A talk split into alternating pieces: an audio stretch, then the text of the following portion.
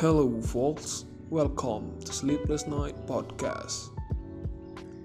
A podcast we are talking about slice of life and everything you know about life.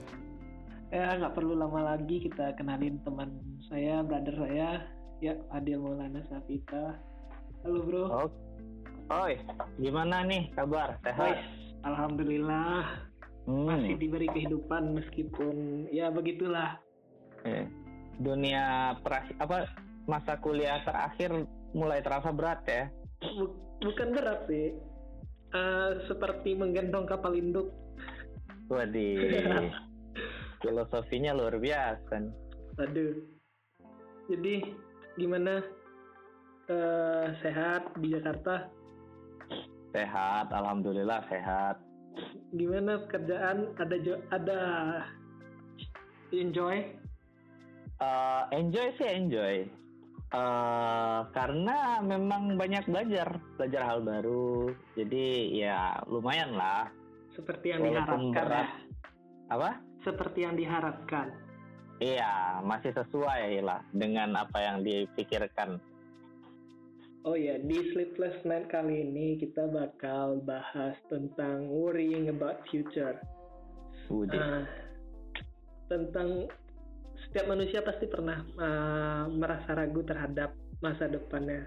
Kalau bro sendiri gimana nih? Ada banyak nggak sih pernah mengalami keraguan gimana aja sih?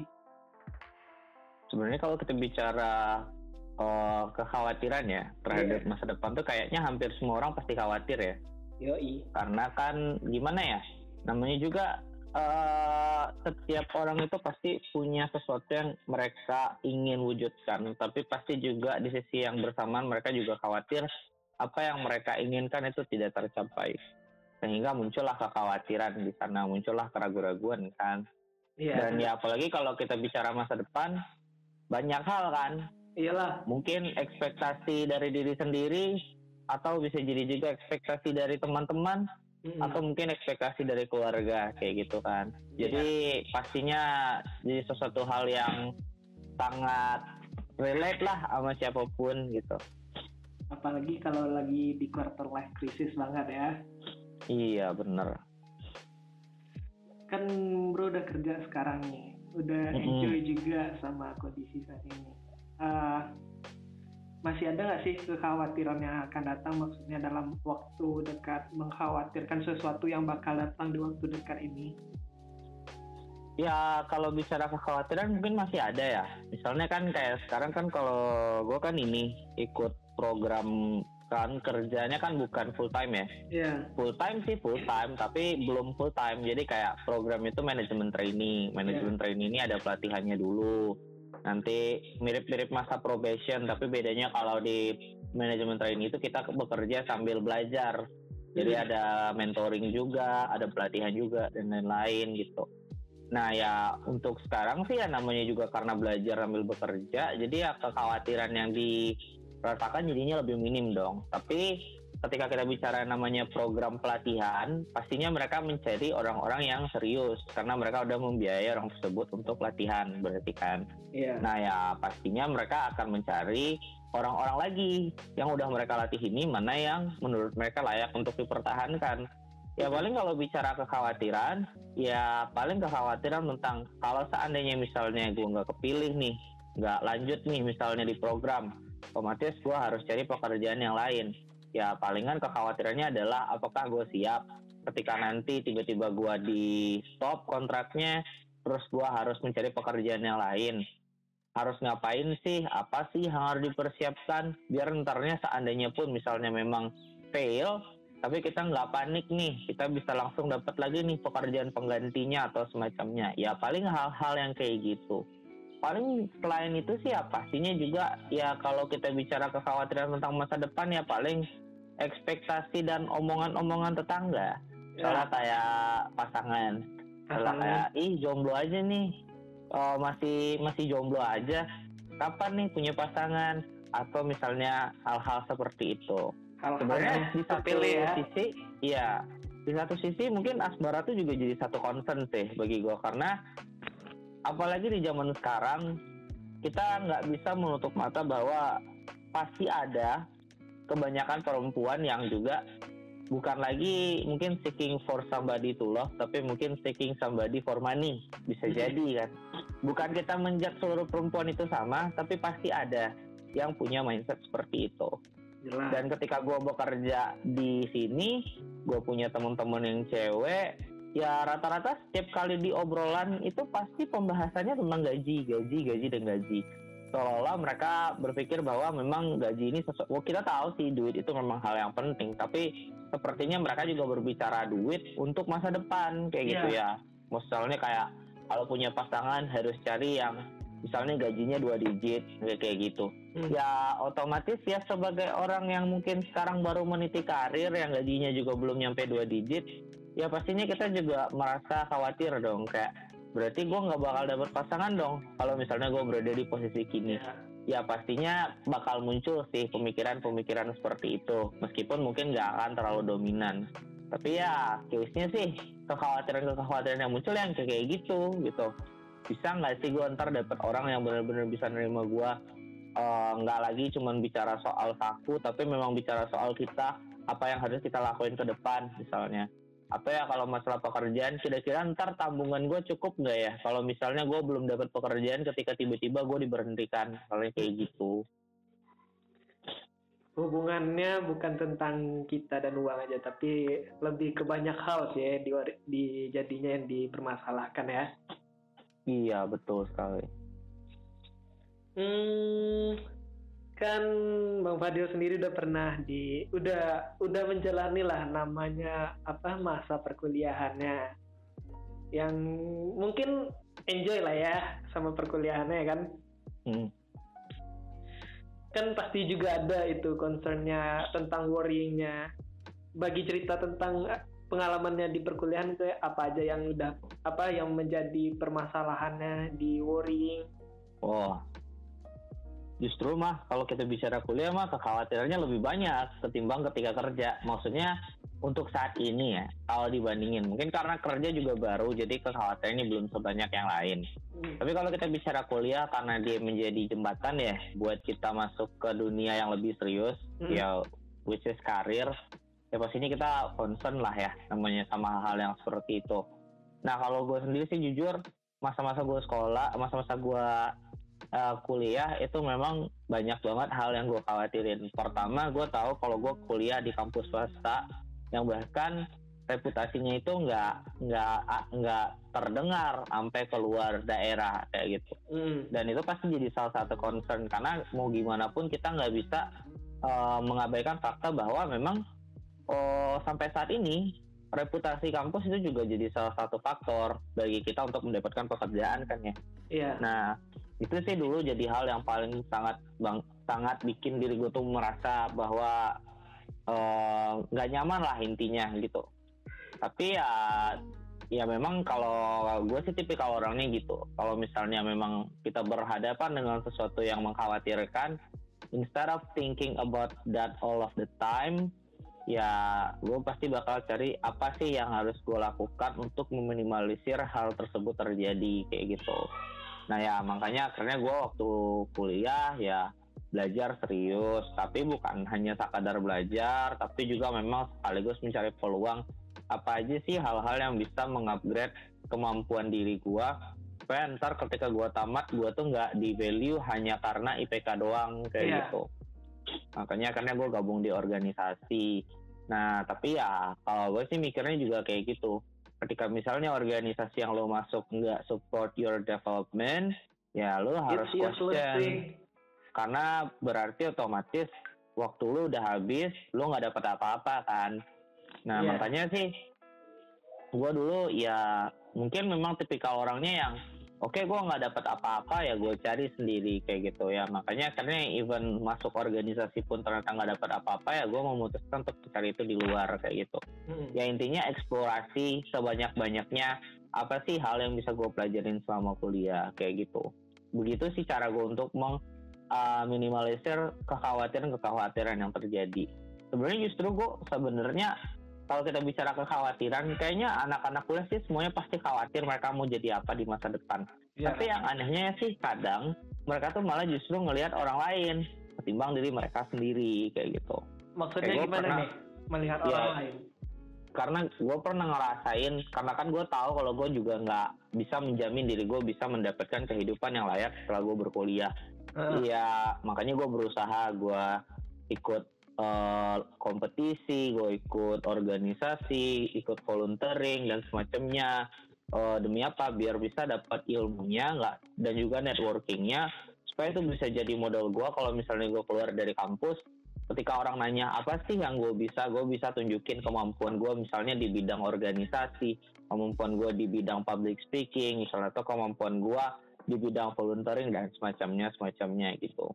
Ya kan itu semua kan bertujuan untuk gimana sih caranya gue bisa mastiin tamat kuliah gue itu langsung dapat pekerjaan tanpa harus nganggur lebih dari satu tahun misalnya kayak gitu. Nah tapi kan yang jadi hal yang lucu di lingkungan kampus gue itu sih seperti itu di mana orang-orang ini sadar kalau mereka juga harus mengkhawatirkan masa depan mereka tapi mereka nggak melihat diri mereka sendiri gue paling sering banget dengar sewaktu gue pulang dari program exchange dulu temen-temen gue tuh pada bilang kayak gini lu enak deal ntar lu juga tamat kuliah lu langsung dapat kerja. Lu udah banyak prestasi lu udah banyak pengalaman. Gampang lah nyari kerjaan sama lu mah gitu. Beda sama kita kita. Nah sebenarnya pertanyaannya di situ lu ngapain ngurusin hidup orang? Kalau hidup lu sendiri ternyata masih mengkhawatirkan gitu. Iya. Menurut gue sih gini logikanya aja gue yang lu pikir udah bisa dapat pekerjaan karena gue udah punya modal gue masih khawatir loh kalau gue nggak dapat pekerjaan kayak gitu. Kenapa lu yang udah jelas-jelas juga khawatir untuk nggak dapat pekerjaan malah gitu-gitu aja? Nah. Kayaknya sih hal seperti itu nggak di di lingkungan kampus kita aja sih. Hampir seluruh perkampusan di Indonesia sih kayaknya ya. Iya bisa jadi. Tapi itu jadi hal yang unik kan ya. Karena ya jadinya ya waktunya habis cuma untuk melihat orang. Ya mungkin juga teman-teman mereka itu udah ngingetin mereka, tapi mungkin mereka yang kurang ya, kurang memikirkan mungkin.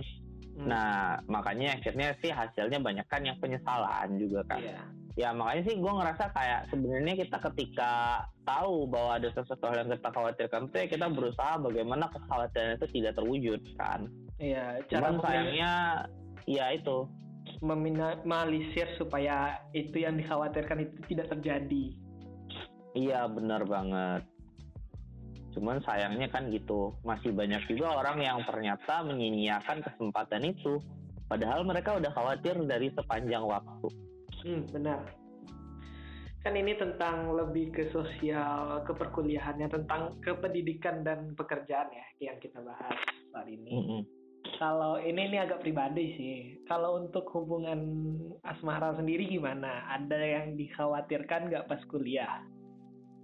ah justru kalau misalnya waktu kuliah sih gue ngerasa bukan ada yang dikhawatirkan sih kalau masalah asmara Terus apa Eh, dong?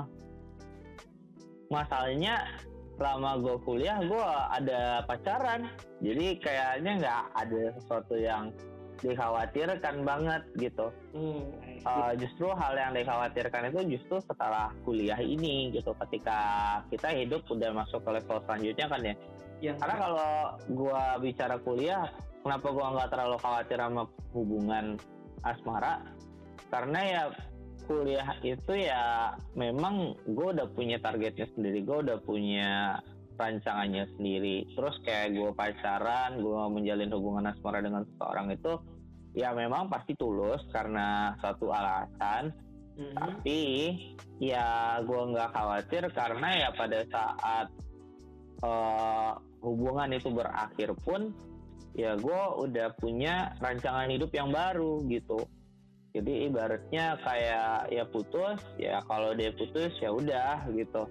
Eh, tetap healing tetap curing tapi nggak yang sampai overthinking kayak orang-orang pada umumnya gitu. Ya, ya. tapi lebih mikirin ya sekarang gue udah putus tapi gue harus ngapain nih biar gue bisa ngelupain dia tapi yang gue lakuin tuh bermanfaat. Ya udah ujung-ujungnya kembali lagi ke plan-plan yang udah dibangun dari awal kayak gitu makanya sih kalau untuk asmara selama perkuliahan itu nggak terlalu khawatir banget. Even mungkin ada sih mungkin teman-teman yang lain yang mungkin yang udah pacaran dari sejak lama terus tiba-tiba waktu kuliah mulai bangun kekhawatiran karena wah ntar gue nikah sama dia apa enggak ya? Kayak gitu. Nah gue nggak nyampe mikir di sana karena ya namanya juga kita kuliah dan usia menikahnya masih lama. Iya. kayak quarter life crisis aja belum. Hmm. ya kalau mau mikirin nikahan mah jadinya kayak kecepetan kayak ya gitu makanya nggak terlalu diiniin gitu Dan masalahnya pun sekarang orang malah banyak nunda menikah ya kan? iya karena corona pada nggak sanggup ya belajar online Bu- bukan nggak sanggup juga sih, dana untuk itunya juga nggak ada. Dan yang ketemu pun belum ada. Iya, bisa jadi. Atau mungkin karena udah ngebet pengen ketemu cowok-cowok yang selama ini hanya dilihat secara maya. bahaya bahaya. Oke, kan tadi kita udah banyak membahas tentang kerisauan terhadap masa depan. Hmm, ada nggak sih bro eh, cara bro sendiri untuk menghalang, bukan menghalangi sih, ya, mengatasi rasa-rasa kecemasan itu, kayak mengurangi rasa cemas tersebut. Em, kalau gue sih nggak tahu ya, maksudnya mungkin setiap orang itu berbeda. Tapi kalau gue sih belajar banyak dari orang ya, maksudnya belajar banyak dari orang. eh, gue belajar dari bagaimana orang menyelesaikan permasalahan mereka, gitu sih. Maksudnya kayak jujur, gue dulu punya temen dekat yang dia juga orangnya cukup pemikir, dia juga suka banget sama hal-hal yang berbau filosofi dan hal-hal yang dia pelajarin tentang filosofi itu memang benar-benar dia terapkan ke dalam gaya hidup dia sehari-hari. Justru itu yang menurut gue keren karena apa yang dia terapkan itu menurut gue berada di penerapan yang tepat. Hmm. Ya bagi gue setelah gue kenal dia, gue kami sering ngobrol, sharing-sharing. Salah satu hal yang bikin gue bisa mengurangi kekhawatiran gue karena dua hal. Pertama gue juga memahami konsep dari nihilisme, sama yang kedua itu konsep dari stoicisme. Apa sih dua hal ini? Kalau nihilisme itu sebenarnya pemikirannya sederhana ya. Kayak kita tuh berpikir kayak ngapain sih kita berjuang keras-keras kalau misalnya pada akhirnya kita nol misalnya itu tuh kan ibaratnya sebuah pemahaman bahwa kita itu nggak perlu berekspektasi tinggi-tinggi toh karena pada akhirnya hasilnya belum tentu akan baik jadi di mana kalau di nihilis kita tuh lebih berpikir bahwa kadang-kadang sebenarnya hasil bisa mengkhianati usaha. Kayak Iya. gitu loh. Jadi itu sih yang kadang-kadang juga gue terapin di diri gue contohnya misalnya kayak ini gue khawatir nih misalnya eh, takut nggak dapat pekerjaan misalnya ntar. Hmm. ya gue mungkin untuk menahan rasa tekanan tersebut ya gue bakal mikir kayak ya ngapain sih gue harus mikirin ini panjang-panjang toh juga ntar kalau misalnya kita tamat kalau memang nggak dapet ya nggak dapet nggak lu doang teman-teman yang lain juga belum tentu dapat pekerjaan toh Ya. kalau misalnya mereka dapet duluan ya nggak apa-apa mungkin lu belum waktunya aja dapat pekerjaan misalnya kayak gitu jadi ya Berarti kadang-kadang gue menerapkan nihilis itu sebagai cara gue ngelower expectation gue sendiri. hmm, Nah supaya jadinya kekhawatiran gue terhadap ekspektasi yang akan tidak terwujud tersebut gak berlebihan gitu.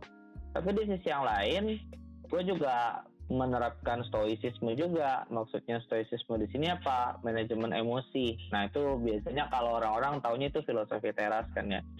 Di mana Betul. kalau di stoicisme mereka berusaha memutuskan untuk menghindar dulu dari tekanan atau rasa stres yang terjadi. Ya misalnya gini, lu misalnya khawatir, lu misalnya nanti nilai ujian lu jelek. Ya Hmm. udah, cara terbaik untuk tidak memikir untuk bikin nilai lu tidak benar-benar jelek adalah dengan cara nggak usah dipikirin dulu.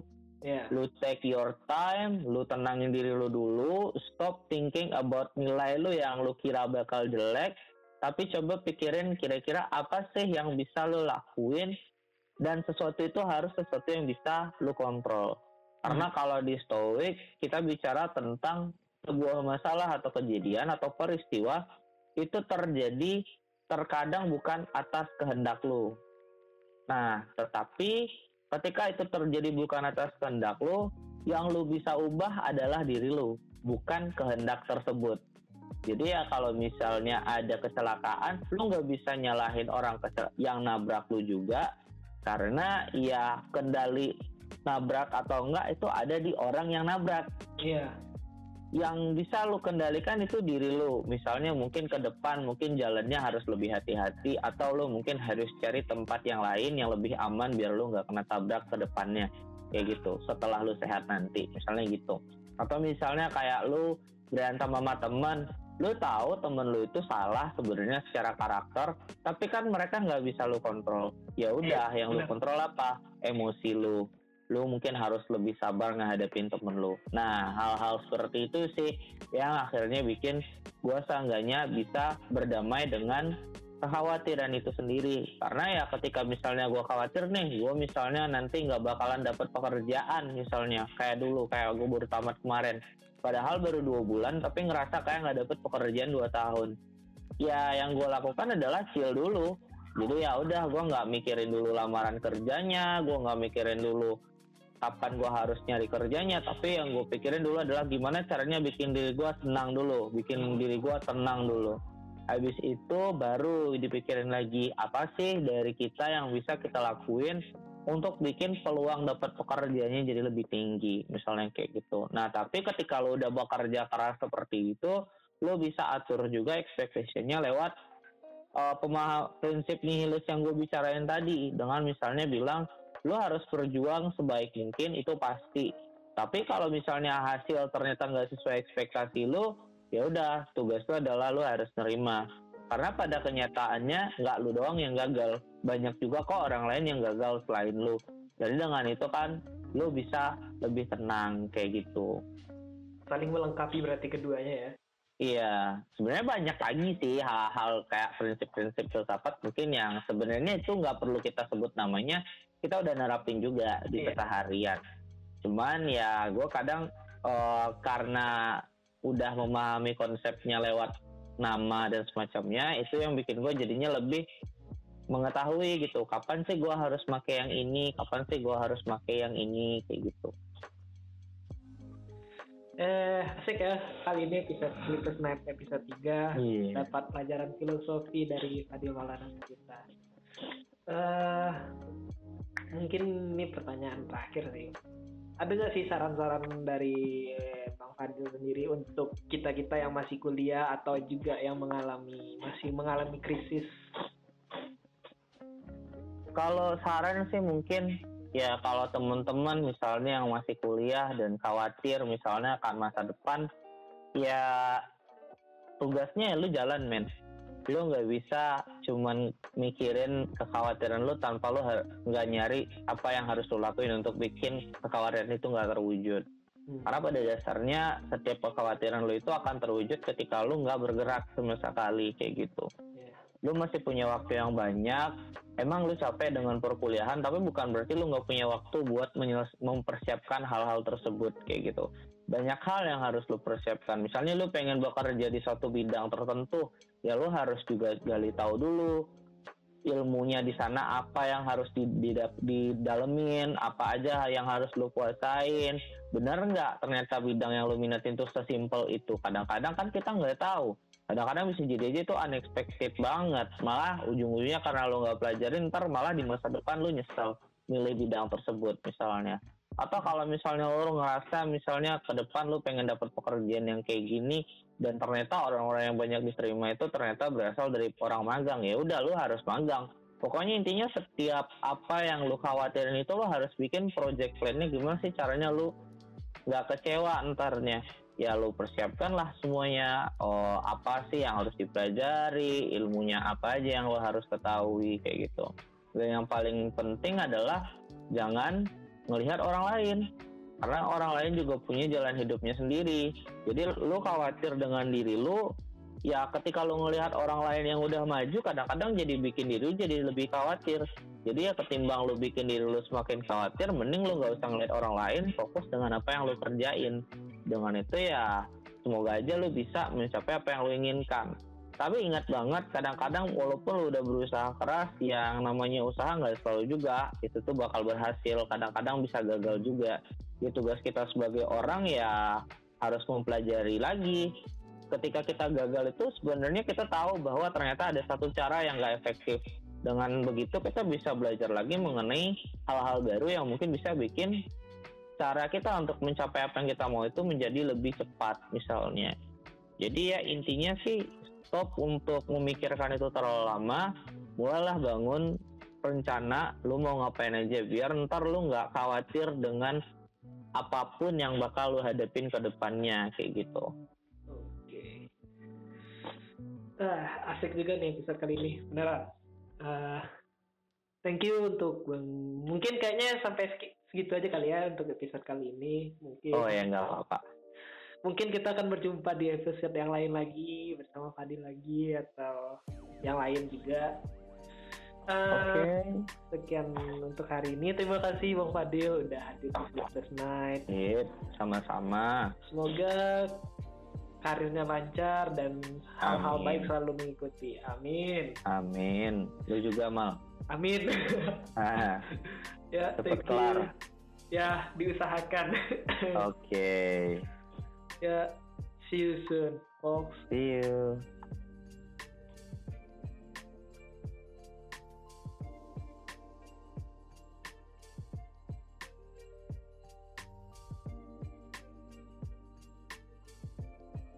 ya itulah dari episode 3 hari ini uh, udah banyak belajar belajar banyak ya kali ya kita dari Bang Fadil tadi tentang filosofi kehidupan ya kalau menurut gue sih memang bener, bener sih banyak benernya. Nah kayak tadi dibilangnya. Ya nggak semua hal kalau menurut gue sih dari guanya saran guanya gimana uh, balik ke nggak semua hal harus difikirkan dan diselesaikan secara cepat. Mungkin kita butuh waktu untuk penyelesaian yang memakan waktu menyelesaikan menenangkan diri kita dulu. Dan setiap orang punya waktu yang berbeda-beda. Kayak gua sama lu aja bis, mungkin bisa berbeda waktunya. Kayak ya misal gua bisa nyusun skripsi dalam satu tahun itu kemampuan gua dan lu bisa nyelesain dalam satu semester berarti itu kemampuan lo dan itu sih total totally dari episode 3 ini hari ini worrying about future and a quotation from Sadhguru uh, he said those who think a lot about their future will only keep thinking about their future. You don't need have to think about your future. Do your present well. Future will happen to you.